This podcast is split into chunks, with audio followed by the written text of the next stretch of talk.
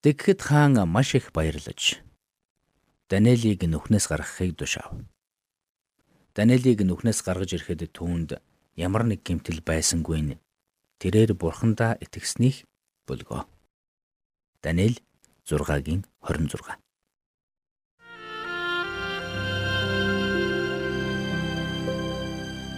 Мэргэний сонсог, мэдлэгийн тэлэг. Ухаалх нь мэрэгэн өдөр төмжийг мөн авах. Доктор Харалт цаалогийн мэрэгэн зөвлөмж нэвтрүүлэг.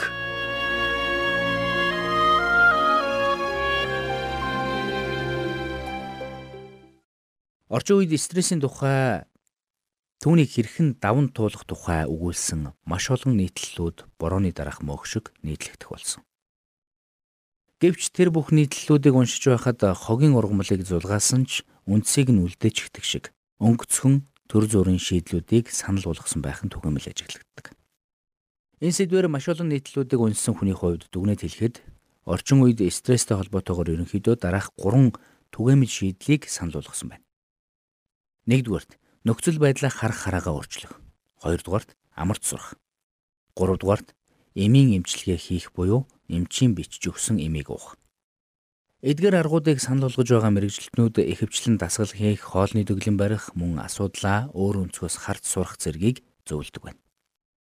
Мэдээж энэ бүх аргууд тодорхой хэмжээнд үр дүнтэй сайн аргууд мөн. Гэхдээ Христэд итгэдэг итгэгч хүний хувьд бид өөрсдийн амьдрал тохиолдож байгаа аливаа стресстэй асуудлуудыг бурхантай харилцах харилцаатай холбож авч үзэх нь туйлын чухал гэдэгт би хувьдаа итгэдэг. Бидний амьдралд таагүй зүйлс тохиолдож байгаа нь Бурхан биднээс нүрээ буруулж биднийг зөнд нь хайсан учраас тэрв.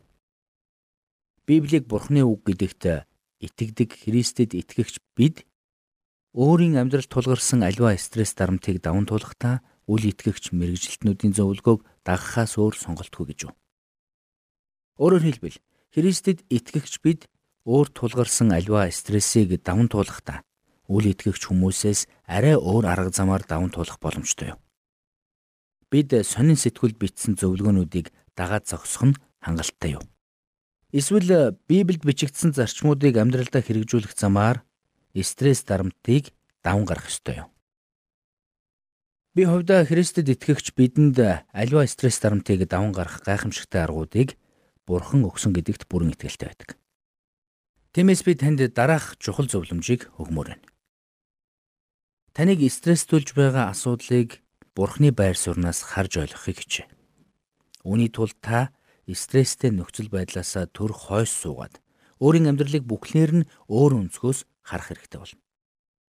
Жишээ нь бид ойн захад тулж ирээ зогсвол тэр ойн модод хэр өндөр нам болохыг мөн тэр ой хэр уудам өргөн болохыг харж чадахгүй.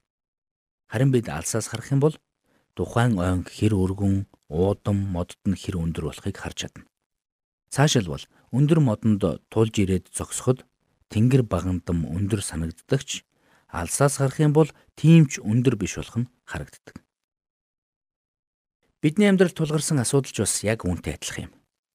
Хэрвээ та цэлмэг шүн тэнгэрийн оддыг харах юм бол тэнгэрийн одод алган дээр тавьсан мэт ойрхон харагддаг. Тэгвэл хамгийн ойрхон од болох Альфа Сантурия гэхэд л гэрлийн хурдаар буюу 300 мянган км/сек хурдаар аялахад 4.5 жилийн алсад байгаа гэдгийг та санаарай. Тэгээд тэр бүх од гаргисыг бүтээсэн бурхан эзэн таны амьдралд тохиолдож байгаа стресстэй асуудлыг хинээс жилүүгээр мэдэж байгаа гэдгийг санаарай. Маргаашийн төлөө бүү санаа зов. Учир нь маргаашч бурхан тантай хамт байх болно. Таны хийсэн ямар ч үйлдэл түүнийг зочролд оруулж чадахгүй танд тохиолдсон ямар ч зүйлс түүний хараа хяналтаас гадуур өнгөрч чадахгүй. Бодит үнэн ийм байхад стресст дарамтлуулж суух нь зөв гэж юу. Тиймээс аливаа асуудлыг ийхүү дээрээс нь харах үед яг одоо таны хувьд амин чухал хэмээн санагдж байгаа зүйлс хэдэн жилийн дараа гэхэд ямар ч ач холбогдолгүй зүйл байх болно гэдгийг та ойлгох болно.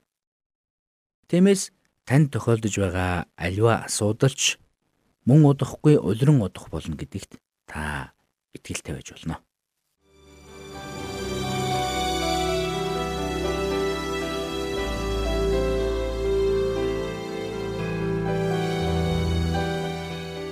Мэргэн нэгнийг дагвал мэргэн, мулгуутай нөхөрлөвл хорлол.